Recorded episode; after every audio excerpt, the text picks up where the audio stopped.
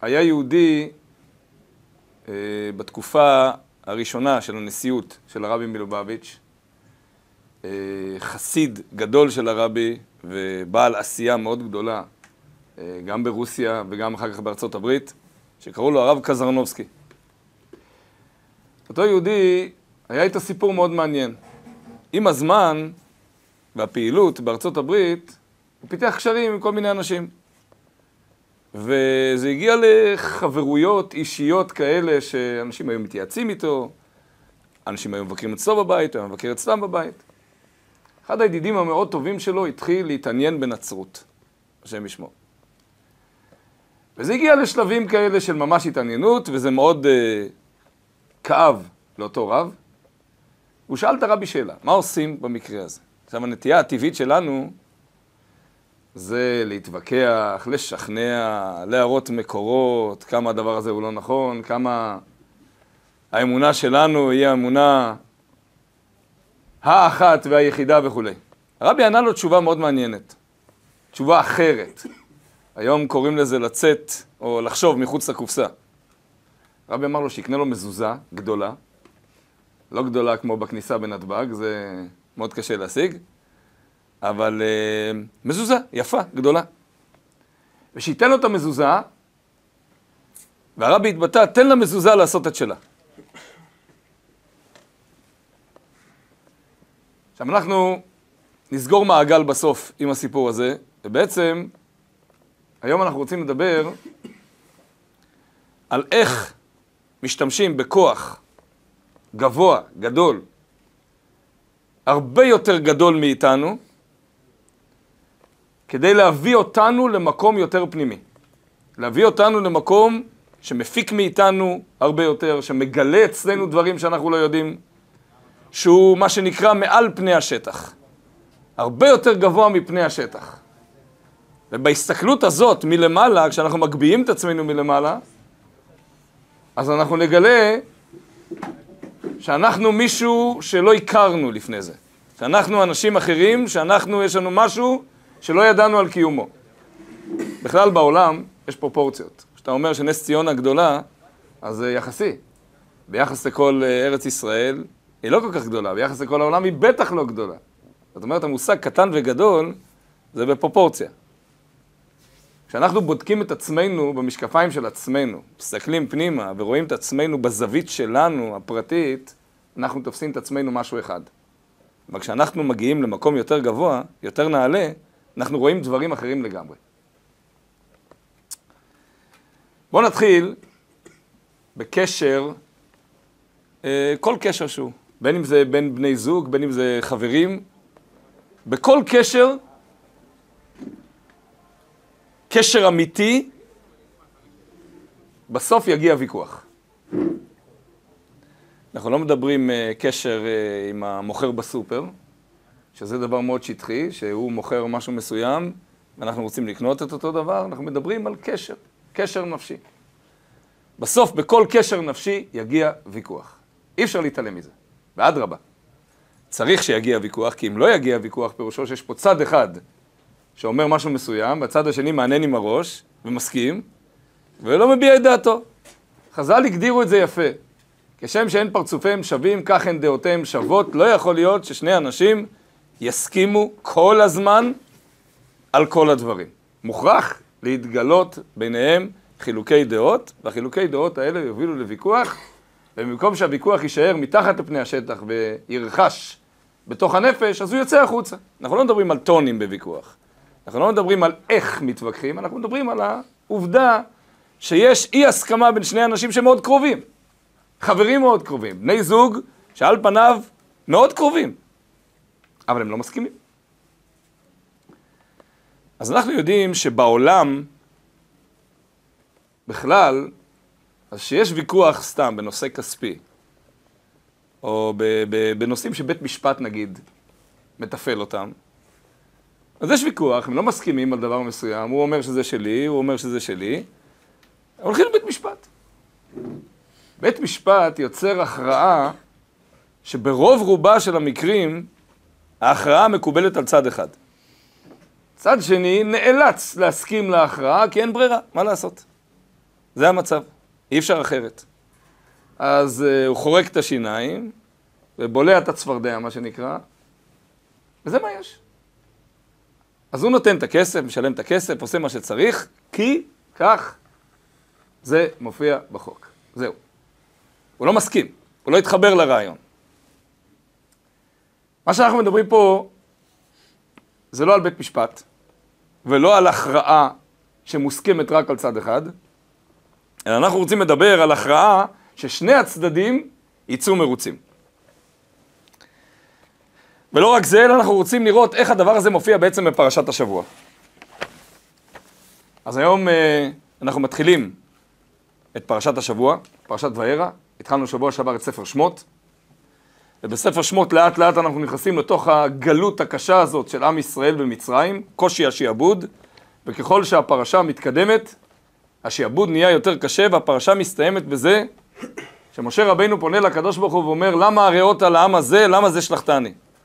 למה כל כך קשה לעם ישראל? למה אני נשלחתי? ומאז, אומר משה רבינו, באתי לפרעה לדבר בשמך, הרע לעם הזה, והצל לא הצלת את עמך. במקום שיהיה הצלה, אמרת לי בסנה, כשהגעתי וראיתי שהסנה איננו הוקל, התגלית אליי, אלוקים. אמרת לי שאני שמעתי את עם ישראל, ידעתי את מכאוביו, אני שולח אותך כדי להגיד להם, פקוד פקדתי, ואתם תצאו ממצרים, ובמקום שיקרה יציאת מצרים, קורה הפוך. קורה ש... שעם ישראל במצרים נהיה בקושי של שיעבוד יותר קשה. ואז מתחילה פרשת וירא.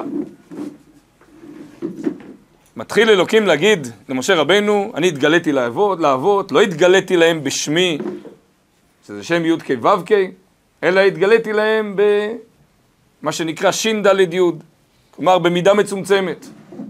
ולא שאלו אחר מידותיי. קרה להם כל מיני מקרים, הם לא ערערו אחר מידותיי, ואתה שואל, למה זה שלחתני? ומאז באתי לדבר, באתי לפרעה לדבר בשמך, הרע לעם הזה. אתה תראה שבסופו של דבר תהיה הצלה. מה מתחיל? בקיצור, כן, אי אפשר להיכנס לכל הפרטים. מה מתחיל בעצם פרשת וירא? מתחיל עשר המכות. עשר המכות הידועות, דם, צפרדע, קינים, ערוב, דבר, שכין, ברד, הרבה, חושך, מכת בכורות, הם רובם מופיעות בפרשת השבוע, פרשת וירא. שבע מכות.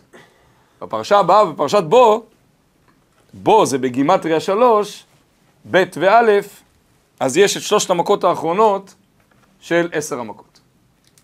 אנחנו רוצים לדבר על המכה האחרונה בפרשת השבוע, שזה מכת ברד. אז בכל מכה בעצם משה רבנו מתרה בפרעה ואומר לו, תדע לך, שאם אתה לא תשלח את עם ישראל, אתה תקבל עוד מכה. דם, אחר כך צפרדע, קינים, ערוב, דבר, שכין, וכאן מגיעה המכה השביעית, מכת הרבה. בואו נראה מה הפסוק אומר. ויאמר השם אל משה,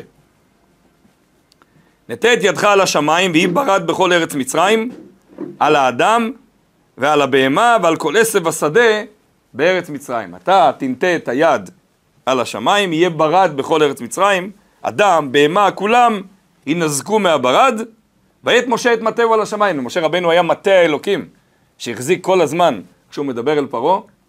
אותו מטה שלפי המדרש יתרו נטע אותו באדמה ואמר כל מי שיצליח להוציא את המטה הזה, מטה בעל קדושה, כל מי שיצליח להוציא את המטה הזה מהאדמה יקבל את ביתי. ורק משה רבינו הצליח להוציא. לא בכוח גשמי, אלא בכוח אלוקי, כי אלוקים רצה שיהיה לו את המטה הזה. המטה הזה יש לו חוזר אחורה בהיסטוריה, קדושה מיוחדת שהקדוש ברוך הוא נתן בתוך המקל הזה. ואת המקל הזה משה רבנו לוקח איתו כל הזמן ונוטה את המטה על השמיים. והשם נתן קולות וברד ותהלך אש ארצה. באותו רגע התחיל קולות וברד ואש. וימטר השם ברד על ארץ מצרים. מה עושה אש בתוך הברד? ויהי ברד, אומר הפסוק, ואש מתלקחת בתוך הברד. כבד מאוד. אשר לא היה חמור בכל ארץ מצרים, מאז הייתה לגוי. ויח הברד בכל ארץ מצרים, את כל אשר בשדה, מאדם עד בהמה, וכולי וכולי. אז במצרים היה מכת ברד, בארץ גושן המקום, מקום המושב של עם ישראל, לא היה ברד. הברד הזה אמור לשבור את ליבו של פרעה, אבל כמו שאנחנו יודעים, הפרשה נגמרת ועדיין פרעה, ליבו לא נשבר, ויש עוד שלוש מכות בפרשה הבאה, ושמה בסופו של דבר יהיה יציאת מצרים. מה המשמעות של אש מתלקחת בתוך הברד? עכשיו, נקודת היסוד שלנו היא שהסיפור הזה הוא לא רק סיפור של פעם, ציון עובדה, אלא למעשה הסיפור הזה הוא מתמשך כל הזמן. וכל אחד יכול למצוא את עצמו בתוך הפרשה, לא במימד הפיזי של מכת ברד, אבל בהשלכות שיש למכת ברד, וכיוון שיש 70 פנים לתורה, והאריזל כותב שבאופן פרטני יש 60 ריבו פנים לתורה, אז יש כל כך הרבה צורות הסתכלות על מכת ברד, והעיקר איך אנחנו לוקחים מהכמה פסוקים האלה הוראה בעבודת השם הפרטית שלנו, הוראה בחיים הפרטיים שלנו. בתהילים יש פסוק שאומר, אז אמרתי הנה באתי, במגילת ספר כתוב עליי. אז יש מפרשים את הפסוק הזה, שהכל שאלה של הנה באתי. ברגע שבן אדם מחליט, הנה באתי, אני נכנס לתוך הפסוק, אני מוכן לשמוע מה הפסוק אומר אליי. אני לא רק מסתכל על זה כספר סיפורים שקרה פעם, אני מסתכל על זה כדבר עכשווי שנותן לי הוראה או לקח או עצה איך לחיות היום, אני אגלה, אז אמרתי, הנה באתי, כשאמרתי לעצמי, הנה באתי, אני מוכן. מה אני אגלה? שבמגילת ספר כתוב עליי, זה סוף הפסוק. אז אמרתי, הנה באתי, במגילת ספר כתוב עליי. אני אגלה שבמגילת ספר בתורה כתוב עליי. עליי ועל כל אחד ואחד במהלך כל הדורות, כל אחד יכול למצוא את עצמו בתוך התורה, ולא תמיד זה אותו דבר. ולא תמיד לכל אחד יש את אותו גילוי או אותה הערה מהפסוק כמו השני. כי למעשה כל אחד לוקח איתו את עצמו לתוך התורה, מסתכל על הפסוק, שומע את הדברים, ויוצא עם איזושהי הוראה פרטית בעבודת השם. אפילו מתוך שיעור אחד, כל אחד בסוף לוקח את הכוונון הנכון לחיים שלו, ומאפס את האור הגדול, את, ה, את, ה, את השפע של התורה, מאפס את זה לנקודה פרטית של החיים שלו, ואז אפשר לשתות מזה, מה שנקרא, כן? אה, מבול היה מים. מים זה שתייה, אבל אף אחד לא יכול לשתות מימי המבול. השטף הוא כל כך גדול שאי אפשר לשתות מזה. לפעמים צריך לצמצם דברים לתוך החיים ולצאת עם נקודה אחת, אבל זאת נקודה שאפשר לחיות איתה, מה שנקרא. אם אנחנו נכנסים לחנות מכולת עם גוש זהב ואומרים למוכר, תביא לי חלב, אז אין לו מה לעשות עם זה. למרות שאנחנו עשירים מאוד גדולים אם אנחנו מכניסים, מחזיקים גוש זהב, אבל למוכר אין הרבה מה לעשות. צריך לפרוט את זה לפרוטות קטנות כדי ליהנות מזה, כדי לקבל מזה משהו. אז בואו נראה את המדרש, שחלקו גם מובא ברש"י. מה אומר המדרש? על אש מתלקחת בתוך הברד. אומר המדרש, משל לשני ליגיונות של מלך. יש שני צבאות למלך, נקרא לזה ככה. והצבאות האלה, כדרכם של אה, צבאות, הם מסוכסכים ביניהם, הם מקנאים אחד בשני, הם במריבה שלא נגמרת. אבל הם כולם שייכים לאותו מלך. אחד תפקידו בצד צפון, אחד תפקידו בצד דרום, אבל כל אחד יש לו את הייחודיות שלו, והם בסכסוך מתמשך אחד עם השני. אבל המלך יוצא למלחמה. ברגע שהמלך יוצא למלחמה, cut, סטופ. נגמר הכל. את כל היריבויות שלכם אתם משאירים אחורה. עכשיו כולם מאוחדים למען מטרה הרבה יותר גדולה, הרבה יותר גבוהה, לכבוש את מה שצריך, לכבוש את האויב. כך אומר המדרש. מה הנמשל? אומר המדרש, האש והמים חלוקים ביניהם בבסיס. מים מכבים את האש, אש מעדה את המים, השאלה כמה כוח יש לכל אחד. אם האש היא חזקה מאוד, אז שום מים לא יכולים לכבות אותנו. אנחנו רואים בשריפות שמשתוללות בעולם, אז מים לא מצליחים לכבות את השריפה. כי הכמות, הכוח של האש הוא כל כך גדול, שתוך שנייה המים האלה מתאדים. אז מים רוצים לכבות את האש, אש רוצה להדות את המים, יש ביניהם סכסוך מתמשך. כל הזמן. אבל הגיע רגע שהקדוש ברוך הוא החליט לשלב ביניהם. וכשהמלך, באותו משל של שני הליגיונות, של שני הצבאות, החליט שצריך לשלב בין האש והמים, אז יש לנו במכת ברד, שוב נצטט את הפסוק, ויהי ברד ואש מתלקחת בתוך הברד. למה? בלשון חז"ל, לא עביד קודשא בריך הוא ניסא למגנא, אלוקים לא עושה נס סתם. כבר הברד בעצמו הוא כל כך כבד שזה לא ברד רגיל. מצרים גם לא רגילה לברד, אבל מעבר לזה, הברד היה כל כך קשה שהברד עצמו הרס כל חלקה טובה. באדם, בבהמה, בצמחים. נס בתוך נס. בתוך הנס הזה של מכת ברד מתרחש עוד נס, שאש ומים משולבים אחד בתוך השני, ואש מתלקחת בתוך הברד. למה? אין נס סתם. לנס הזה יש משמעות. הרבה משמעויות. אנחנו רוצים לדבר על איך אש מתלקחת בתוך הברד ואחד לא מכבה את השני, איך הנס הזה משפיע על החיים שלנו. אז יש פסוק שאנחנו אומרים אותו כל יום בתפילה, בסוף התפילה, אומרים אותו גם בסוף הקדיש, עושה שלום במרומיו, הוא יעשה שלום עלינו ועל כל ישראל באמרו אמן. חשבתם פעם מה זה עושה שלום במרומיו? מה הפירוש שהקדוש ברוך הוא עושה שלום? דובר על זה בדיוק, על האש והמים. האש והמים חלוקים אחד עם השני, רבים, מתקוטטים כל הזמן אחד עם השני. אין מקום, אף אחד לא נותן מקום לשני, האש היא אש טוטאלית, המים הם מים טוטאליים, והם לא יכולים להשתלב אחד עם השני. אבל כשאלוקים ציווה, אז הם עשו שלום ביניהם. עושה שלום במרומיו, כמו שכשאלוקים ציווה, אז במרומיו האש והמים עשו שלום, פה, בפסוק הזה. ואש מתלקחת בתוך הברד, הוא יעשה שלום עלינו. כמה אנחנו חלוקים אחד עם השני? כמה? מקסימום, אז אני אש והשני ברד. מקסימום, הוא אש ואני ברד. אבל כמו שכשאלוקים התגלה, אז האש והמים, לא סתם מים, אלא ברד, עשו ביניהם שלום, ככה גם הוא יעשה שלום עלינו. זה הפירוש של התפילה הזאת, הפירוש הפשוט של התפילה הזאת, כן? רק שחז"ל קראו לזה מלאך מיכאל ומלאך גבריאל. מלאך גבריאל זה שר של אש, מלאך מיכאל, מיכאל זה שר של מים, וכדי לעשות את רצון השם הם שילבו ידיים, והם עושים ביחד את רצון השם. התחלנו בעניין הזה של ויכוח והליכה לבית משפט, וזה לא מספיק. כי כשאתה הולך לבית משפט בסוף צד אחד לא מרוצה. כאן, בסיפור הזה, האש והמים לא יוצאים לא מרוצים. הם יוצאים מאוד מרוצים. כל אחד נשאר אש, נשאר מים, והיה כאן כוח עליון, כוחו של אלוקים, ששילב ביניהם וגרם להם לשלב ידיים ולעשות את רצון השם. אז כששני אנשים מתווכחים, שבני זוג מתווכחים, וכל אחד מביע עמדה, ואמרנו מקודם, צריך להביע את העמדה, אחד על אחד,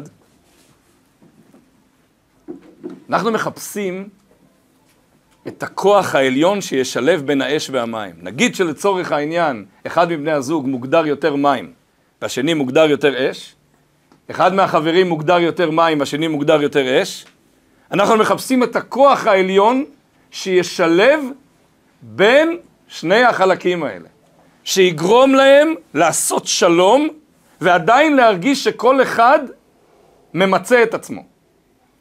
מבטא את עצמו, לא שלום של לטטות מתחת השטיח. אתה לא נמצא, אתה לא נמצא, עשינו שלום להתראות.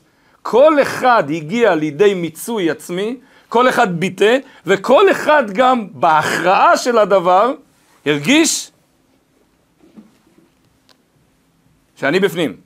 הרגישו אותי, שמעו אותי, באתי לידי ביטוי, וגם ההכרעה מקובלת עליי.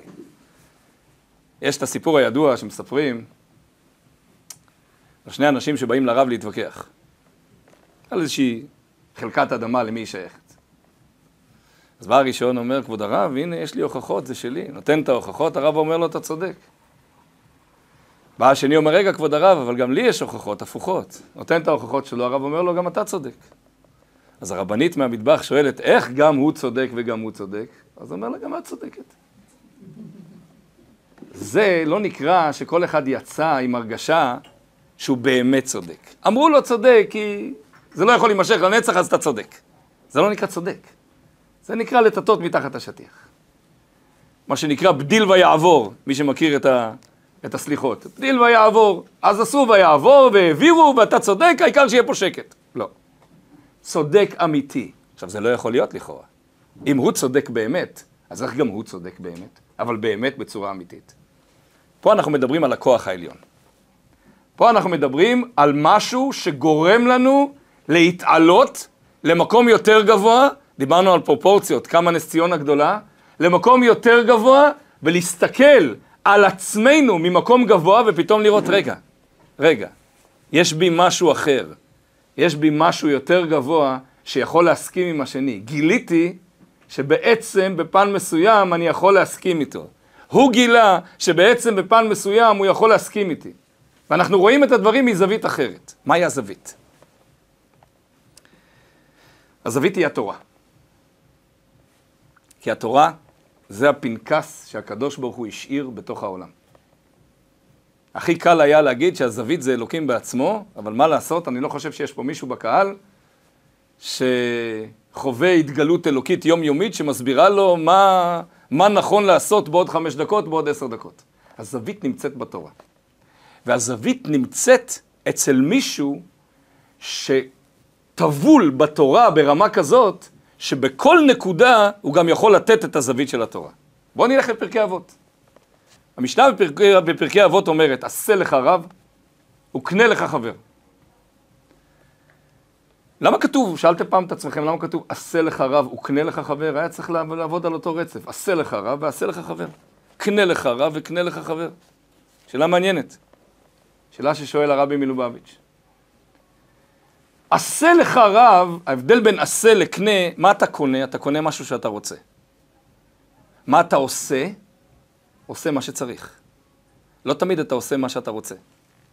לקנות, לא תלך למכולת לקנות משהו שאתה לא רוצה, זה לא מצוי.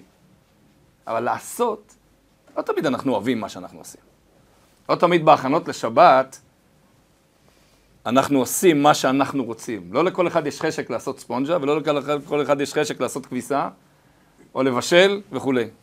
וגם אם תמצאו מישהי שיש לה כן עניין בבישול, אז לא תמיד יש לה עניין בדברים אחרים. אבל עושים כי צריך. שבת נכנסת בעוד כמה שעות וצריך להתכונן, וכך בכל דבר. בלשון המשנה זה נקרא מעשין על המצוות. לפעמים על המצוות צריך גם להכריח, לעשות. עשה לך רב. לא תמיד אני מסכים, לא תמיד אני מבין מה שהרב אומר, לא תמיד אני יורד לסוף דעתו של הרב, אבל בהתחלה לפחות זה צריך לבוא בצורה של הכרחה פנימית. אנחנו לא מדברים שמישהו מכריח אותי, אנחנו מדברים שאני מכריח את עצמי. כי אני מבין שאני צריך פרספקטיבה גבוהה, גדולה, הסתכלות של התורה, והיא בינתיים לפחות לא נמצאת בעיניים שלי. לא רק בינתיים, אלא ברוב הדברים אנחנו גם נוגעים בדבר. וההסתכלות שלנו היא מאוד קטנה ומאוד צרה מהזווית שלנו. מחפשים מישהו שיסתכל על זה ממקום הרבה יותר גבוה. אז בהתחלה לפחות, עשה לך רב. אבל חבר, קנה לך חבר. חבר, אי אפשר להכריח אותך. גם אתה לא יכול להכריח את עצמך.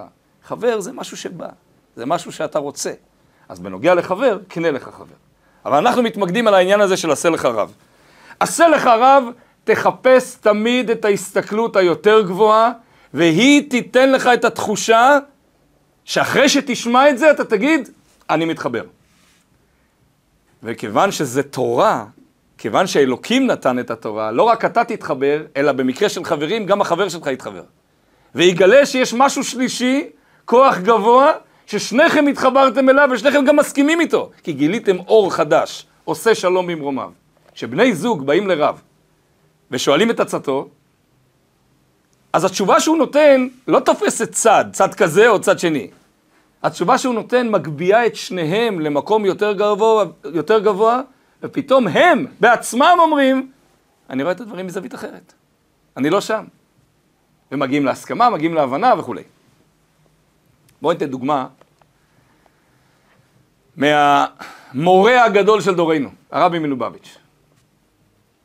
סיפור קצר, שממחיש צורת הסתכלות אמיתית, גבוהה, שמביאה אותנו למקום הרבה יותר פנימי בנפש. אתם יודעים שהרבי נחשב מי שהיה לו חלופת מכתבים, אנחנו מדברים באופן פרטי, כן? חלופת מכתבים הכי גדולה בעולם. ever, מה שנקרא. מעולם. בעצמי זכיתי לראות איך שלא איש של דואר מביא מכתבים לרבי, אלא משאית של דואר מביאה שקים על גבי שקים שמכתבים יום-יום לרבי. יום-יום. סיפור שמתמשך על פני כל שנות הנשיאות של הרבי, 40 שנה ויותר. כותב יהודי לרבי מכתב. כיוון שאנחנו זכינו שיש את סדרת האגרות הקודש של הרבי, סדרה עם כל כך הרבה מכתבים, אז אנחנו זוכים לראות, כמובן לא את המכתב של הכותב, אבל מהתשובה, אתה מבין מה כתב הכותב לרבי ואתה מקבל מהתשובה פרופורציה חדשה על החיים. כותב יהודי לרבי ככה, מכתב מאוד מריר. לא אני, לא אשתי ולא ילדיי, לא ראינו יום אחד טוב בחיים. מכתב מאוד מריר, מאוד קשה. אנחנו יכולים לחשוב בראש מה אנחנו היינו עונים. איך אנחנו היינו אה, מגיעים לנפש של אותו יהודי, מה אנחנו היינו מגיבים. אדם נמצא באמת במקום מאוד אה, כואב, מקום מאוד כואב בחיים שלו, ובהסתכלות שלו הוא לא ראה יום אחד טוב בחיים. תשמעו את הזווית של הרבי. שוב, במילים שלנו. הרבי כותב לו ככה, תשמע מה שאתה כותב. מה אתה אומר בתוך המכתב? יש לך אישה? יש לך ילדים? כמה יש אנשים שמסתובבים בעולם שנים על גבי שנים לחפש בן או בת זוג? לא לא רוצים, רוצים מאוד, זה לא קורה. זה לא קורה. אי אפשר לעשות הוקוס פוקוס וזה יקרה. אי אפשר להגיד, אוקיי, הראשון שתפגוש, אז זה זה. זה לא. אין כימיה וזה לא קורה. יש לך אישה. כמה אנשים מסתובבים בעולם מרופא לרופא כדי להתברך בפרי בטן וזה לא קורה. יש לך ילדים, לשון רבים. אתה אומר, לא אני, לא אשתי ולא ילדיי. זווית חדשה. אז נכון, קשה, תשימו לב שהרבי לא מתווכח איתו אם קשה לו או לא קשה לו. הרבי לא מתווכח איתו אם רע לו או לא רע לו. הרבי אומר לא, בוא קח את עצמך עשרה טפחים מעל הקרקע. תגביה את עצמך קצת, תסתכל על עצמך, לו היה אפשר לחלק את עצמנו לרגע ולעלות כמה טפחים למעלה ולהסתכל על עצמנו ולקחת את הדברים בפרופורציה אמיתית. יש לך את כל זה, תודה לאלוקים על כל זה, וגם תמשיך ותבקש ותתפלל שיהיה יותר טוב בטוב הנראה והנגלה, זה לא סותר. זה לא אומר שאתה צריך להשלים עם זה. אבל להגיד לא ראיתי יום אחד טוב בחיים, זו הסתכלות מאוד צרה. זאת הסתכלות שלך. אתה יכול להסתכל על זה בצורה אחרת. מה ראינו פה בעצם? הרבי בסך הכל, בסך הכל, זה המון, העיר לו את צורת החשיבה. לא התווכח, ולא נכנס איתו לשום דין ודברים אם זה צודק או לא צודק. מה ההבדל בין בן אדם שמסתובב בחדר חשוך? אדם מסתובב בחדר חשוך, הוא דורך על דברים, הוא לא מגיע למה שהוא רוצה, הוא מסתובב ומסתובב ומסתובב, בסוף הוא יצא מהפח נפש, הוא לא מצא את מה שהוא רצה, כי אין אור. מה עושים? מדליקים את האור. פעולה מאוד פשוטה, ברגע שהדלקת את האור, הוא כבר רואה את החדר הזה בזווית אחרת. בדיוק מה שחיפשתי נמצא שם, מה שחיפשתי נמצא שם, הכל בסדר. הרבי העיר לו את הנפש שלו. עכשיו, הוא לא צריך שמישהו יבוא אליו כל שני וחמישי ויסביר לו את אותו דבר. זה תרגול. מדברים הרבה על קאוצ'ינג. Uh, זה תרגול. זה תרגול שהבן אדם צריך לעשות עם עצמו, לראות את עצמו, את החיים שלו, את הקשיים שלו, את הדילמות שהוא עובר, מזווית הרבה יותר גבוהה, זווית אלוקית. ולכן המילה עשה לך רב, המשמעות שלה היא בעצם לפגוש את אלוקים. לא חס ושלום שהרב הוא אלוקים, אבל הרב כיוון שהוא למד תורה, אנחנו מדברים על רב, יודע ספר, למד תורה, בקיא במקצועות התורה, יכול לקחת אותך, כמובן הכל סייעתא דשמיא. רבנים יודעים את זה, שהשם שם להם את המילים הנכונות בתוך הפה. יכול לקחת אותך, טפח, עשרה טפחים מעל הקרקע, ולהגביה את עצמך, אותך בעצמך, למקום הרבה יותר גבוה. אז בעצם, נעשה פה רגע איזה פסיק, נסכם את הדברים.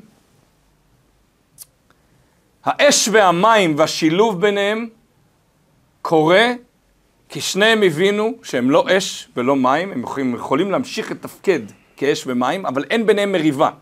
התגלה כאן כוח הרבה יותר גבוה, הרבה יותר עליון, שנתן להם פרופורציה שהם מסוגלים לחיות ביחד. עכשיו זה השלב הבא. לא רק לחיות אחד ליד השני, אלא להשלים אחד את השני.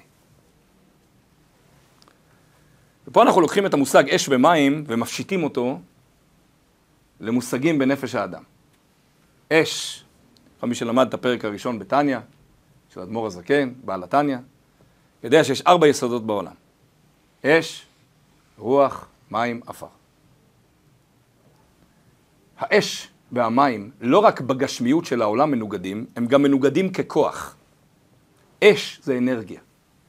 אש תמיד היא כלפי מעלה. תהפוך את הגפרור או את הנר כלפי מטה, ושוב, השלבת עולה כלפי מעלה. אש מסמלת בנפש האדם הגבהה. עכשיו, הגבהה, אפשר לקחת אותה שני כיוונים. הכיוון של הגבהה השלילי, כולנו מכירים אותו, גאווה, התנסות, בן אדם תמיד תופס את המקום, תמיד תראו כמה אני, כמה אני מצליח, כמה אני... לא נותן לשני להביע דעה, לא נותן לשני להיות לידו. אבל יש לאש תכונה מאוד חיובית. כמו אש גשמית. אתה שם אש מתחת לווילון, השם ישמור. אתה שם אש מתחת לסיר, ובסיר יש מרק, אז בעוד שעה יש מרק. ככה גם האש הרוחנית. כשהיא במימד של גאווה, יכולה לשרוף את כל העולם. אבל כשהיא במימד של אנרגיה, אז הבן אדם לוקח איתו את כולם, מפעיל את כולם. עושה, יוצר, פורח, מפריח את כולם, דואג. המון אנרגיה צריך בשביל לדאוג לזולת, בשביל ליצור דברים. אנשים, יש להם בעירה פנימית. את הבעירה הפנימית הזאת, בסייעתא דשמיא, מנצלים לדברים חיוביים. מים זה תכונות הפוכות, וגם בהם יש חיוב ויש שלילה. שימו לב, מים יורדים תמיד למקום הנמוך, בדיוק הפוך מהאש. האש תמיד מגביהה את עצמה, מים תמיד יורדים, מחפשים את המקום הנמוך. לאן שלא תשפכו מים, אפילו בתוך, אה, ברצפה, הם יחפשו את הגומחות הקטנות האלה שהן יורדות למקום הזה. בחיוב, זה ענווה, זה לשמוע את השני, זה לקבל כל אחד, זה בחיוב. בשלילה, הפן הזה במים, שהוא מחפש את המקום הנמוך, הוא בדיוק הפן ההפוך מהאש. מסתדר עם הכל, הכל בסדר. אם אמרנו בסיפור הקודם שהרב אומר לה, גם את צודקת, זה סוג של אה, לא צריך, לא כדאי, חבל על האנרגיה, חבל... בואו נסתדר, נהיה, נהיה מינורים כאלה, נהיה למטה, נהיה... נזרום, נזרום, כמו המים. הביטוי אומר על מי מנוחות. על מי, תהילים, על מי מנוחות ינעלני. מי מנוחות, למי מנוחות יש שני זוויות. יש זווית של מי מנוחות, הוא נוח עם כולם, הוא שמח עם כולם, הוא מקבל את כולם. ויש מי מנוחות בנפש, אדם לא, לא שואף להתקדם, לא שואף לרצות. לא, לא, זה, תשאיר את החיים, שטוח, רגוע, הכל יהיה בסדר. אש ומים בתכונות, הם ממש סותרים אחד את השני. אז מקודם דיברנו איך הם יכולים לחיות אחד ליד השני. אבל להשלים אחד את השני, איך אפשר להשלים? הרי זה תכונות הפוכות. החידוש, השלב השני של החידוש, עושה שלום במרומיו, לא רק מיכאל וגבריאל יושבים אחד ליד השני. עושה שלום במרומיו בפן העמוק, זה שהם משלימים אחד את השני. איך אפשר שמים ואש ישלימו אחד את השני?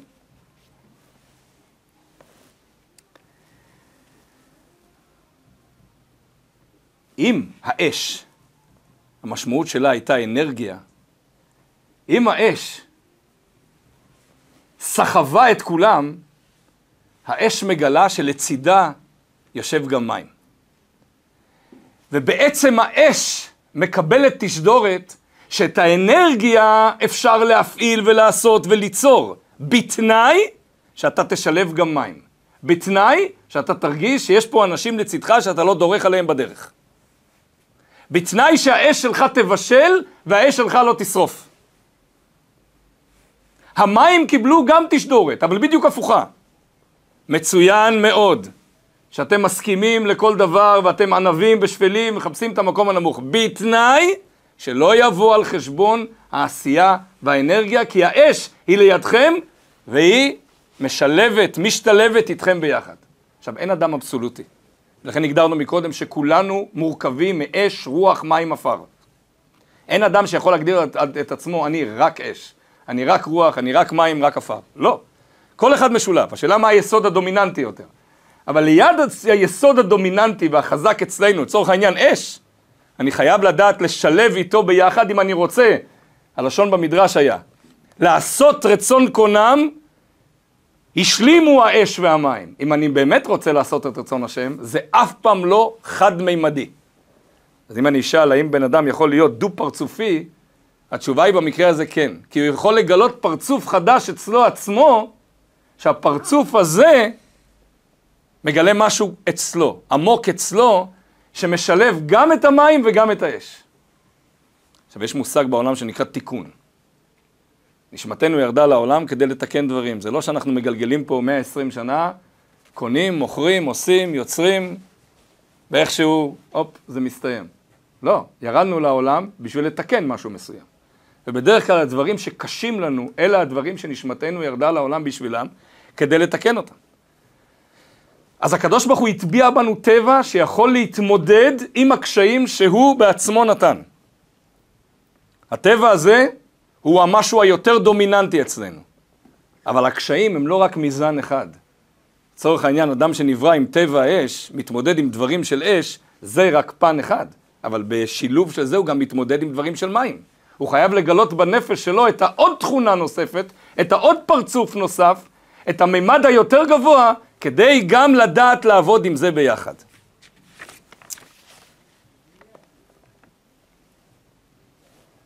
כשהיינו בישיבה, אספר לכם סיפור שחוזר אחורה משהו כמו 40 שנה.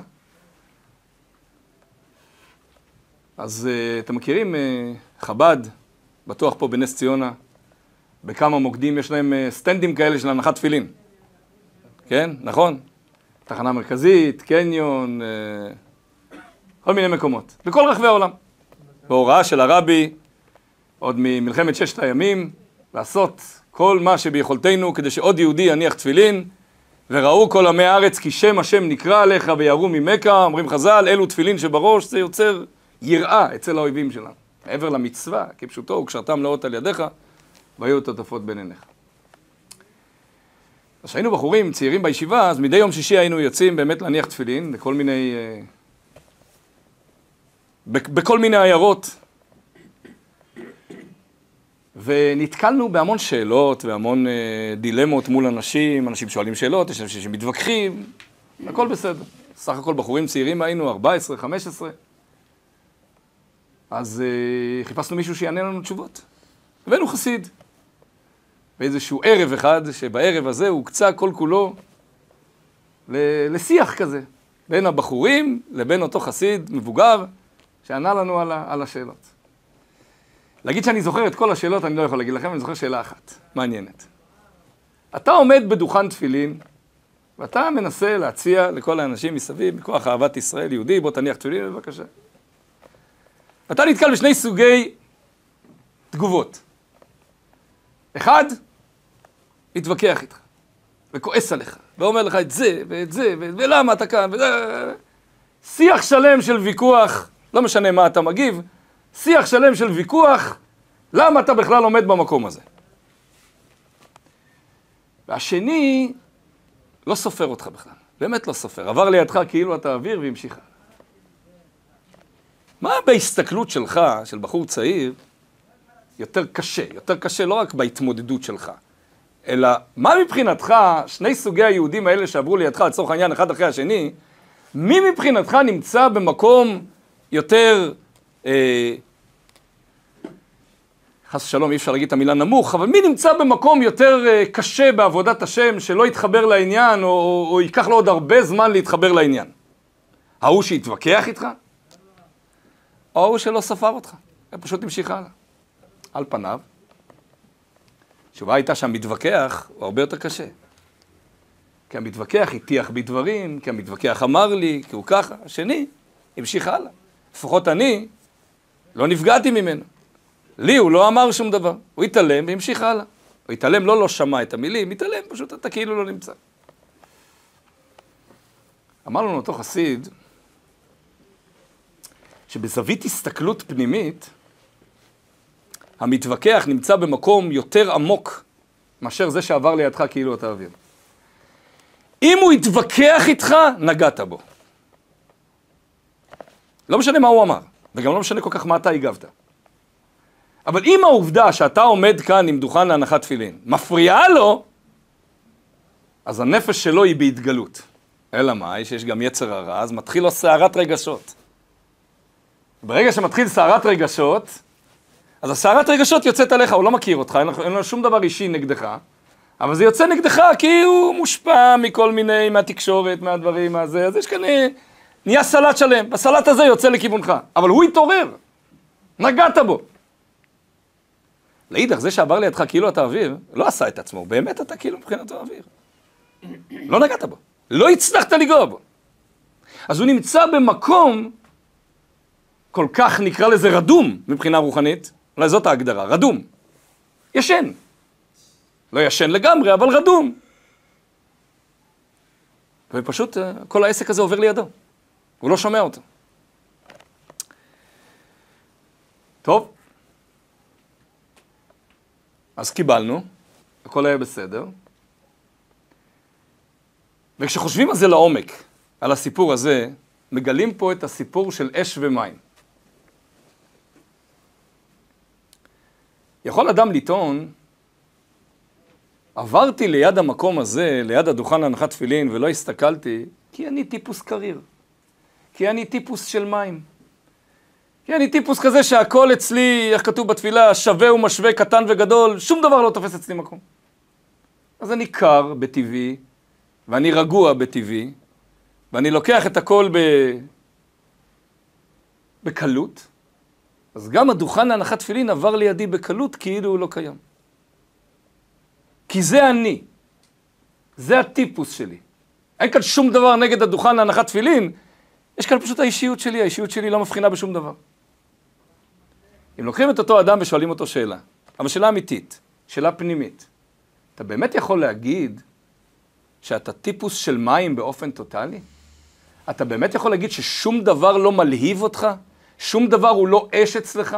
אין לך שום תכונות של אש? מעניין מאוד שאם ידרכו לך קצת על קצות האצבעות, במובן של אם יגידו לך איזה מילה לא במקום, מילה שתיגע בך, וכל אחד מפריע לו משהו אחר, אנחנו יודעים בחיים הפרטיים שלנו, וידרכו על הנקודה הרגישה הזאת, פתאום יקפוץ כאן מישהו חדש, שהוא טיפוס מאוד של אש, והתלהבות, ומילים, ורגש, וכעס. איפה? אמרת שאתה טיפוס של מים. אמרת שאתה לא רואה כלום, אמרת שאתה רגוע, והכל בסדר, והכל עובר לידך. אז איך התגלה כאן אש? כי עמוק בפנים יש כאן אש, אלא שאתה בחרת, במודע או שלא במודע, זה לא כל כך משנה. כאן, במקרה הזה של דוכן התפילין, לעבור עם הקטע של המים שלך, עם הקטע של המים בנפש שלך, ולהתקדם איתו. ולא בחרת לגלות את האש במקום הזה.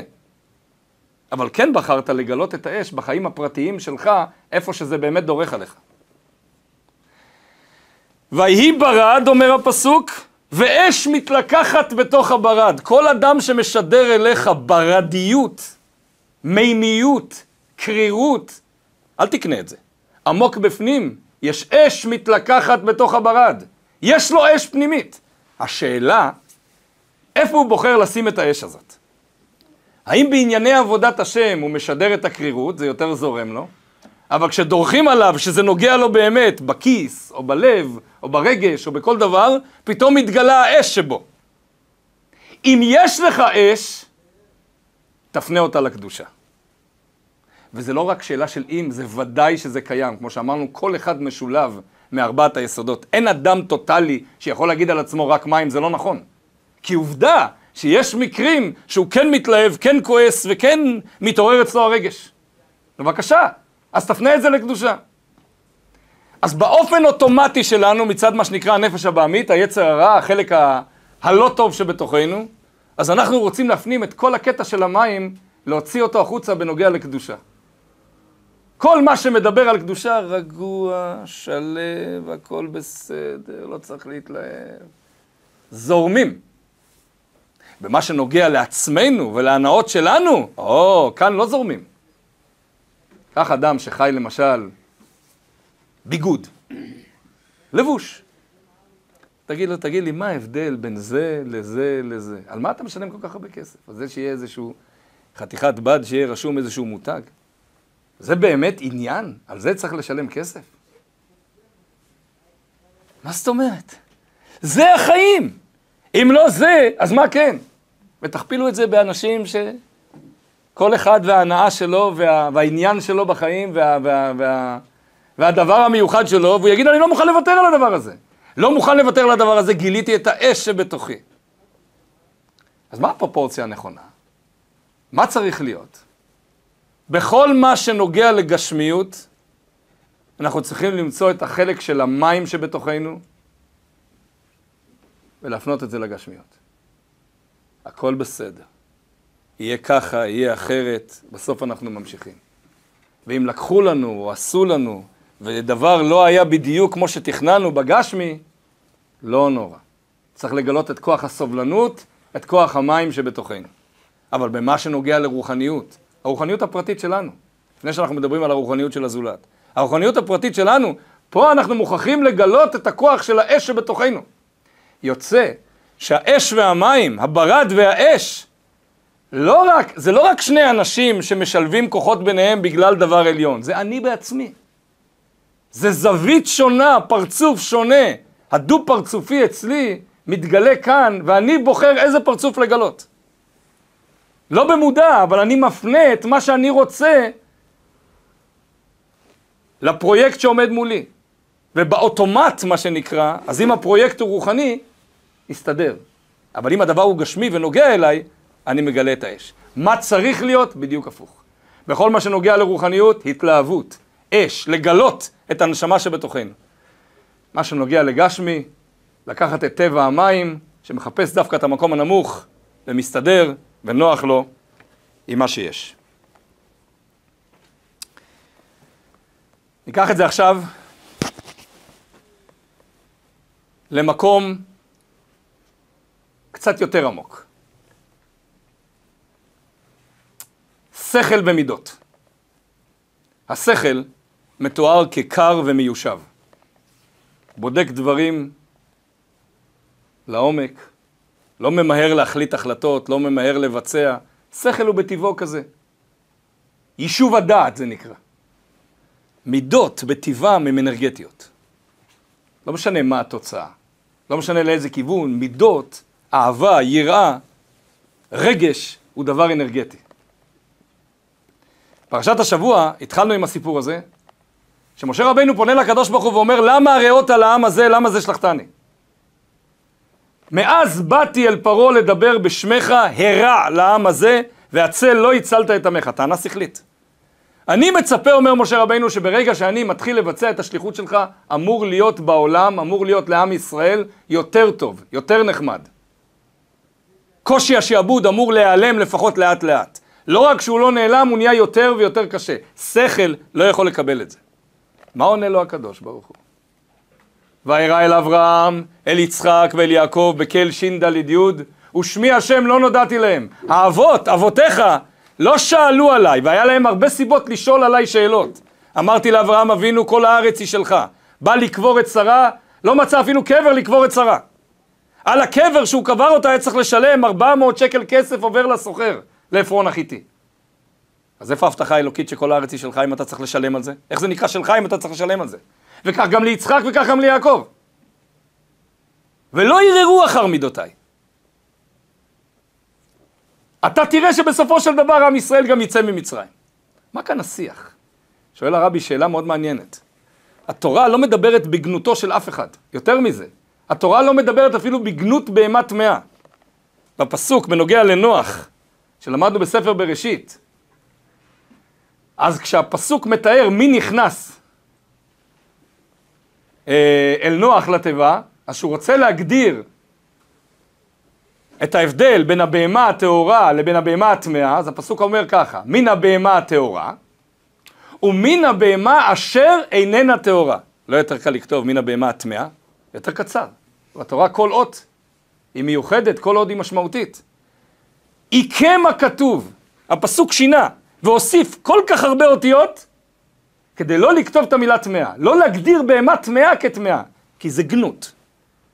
אם בגנות בהמה טמאה לא דיבר הכתוב, הפסוק לא קורא לה בהמה טמאה, אלא רק אשר איננה טהורה, אז איך יכול להיות שפסוקים שלמים כאילו מדברים בגנותו של משה רבנו? למה אתה לא מאמין? איפה האבות? האבות לא שאלו אחר מידותיי, למה אתה שואל שאלות? מסביר הרבי, בדיוק מה שאנחנו מדברים פה. משה רבנו מייצג את השכל, את השאלות. לכן הוא מגדיר את עצמו ונחנו מה. מה זה בדיוק חצי מהמילה חוכמה. שהוא רוצה להגדיר את עצמו מול עם ישראל, אותו ואת אהרון הכהן, אחיו, הוא אומר ונחנו, כלומר אנחנו, מה? כשאומרים על דבר מה, פירושו, אנחנו בביטול. השכל הוא מייצג את משה רבנו, או משה רבנו מייצג את השכל. האבות מייצגים את המידות. אברהם זה מידת החסד, יצחק זה מידת הגבורה, ויעקב זה מידת התפארת. הקדוש ברוך הוא לא אומר למשה רבינו, מה אתה מולם? הקדוש ברוך הוא בפנימיות בעצם אומר למשה רבינו, השכל הוא דבר נכון. וצריך לדעת לשאול שאלות.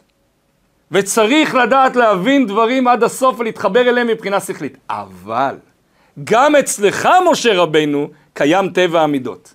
ועכשיו, במקרה הזה, לא צריך להפעיל את השכל, צריך להפעיל את הקבלת עול, שזה חלק מהמידות. צריך לדעת שאם אני אמרתי שאני אוציא את עם ישראל ממצרים, למרות שכרגע מאוד קשה, כרגע נהיה יותר ויותר קשה, בסופו של דבר אתה תראה שאתם יוצאים ממצרים. אז כאן זה בדיוק השילוב של השכל באותו אדם עצמו, שכל ומידות. מים עם אש. המים מייצגים את השכל, והאש את המידות. אז אם ככה, כשאנחנו מסיימים, שיהיה לנו כלים, דיברנו על uh, מטיל של זהב, גוש של זהב, צריך בסוף פרוטות כדי לקנות חלב ו- ולחם. הכלים שאנחנו יוצאים איתם לחיים, זה לדעת להגביה את עצמנו למקום יותר גבוה, לדעת להסתכל על עצמנו במקום יותר פנימי, לא להתברג רק במה אנחנו חושבים שאנחנו, מים או אש, איזה צד אנחנו תופסים בוויכוח. אם אנחנו יכולים לעשות את הפעולה הזאת לבד מצוין, ואם לא, עשה לך רב. גם אם בהתחלה זה לא נוח, גם אם בהתחלה זה עשה, זה לא בדיוק קנה, אבל אנחנו עושים את זה בהתחלה, מקבלים את הפרופורציה האמיתית, ולאט לאט גם מתחברים לעניין, גם מבחינה רגשית, ורואים את הזווית, כמו שאמרנו מהרבי, איך אתה אומר שלא היה לך יום אחד טוב בחיים, יש לך את כל הדברים האלה, צריך להסתכל על דברים מזווית יותר גבוהה. השם יזכנו בעזרת השם, נזכה לגאולה האמיתית והשלמה, במהרה בימינו, אמן.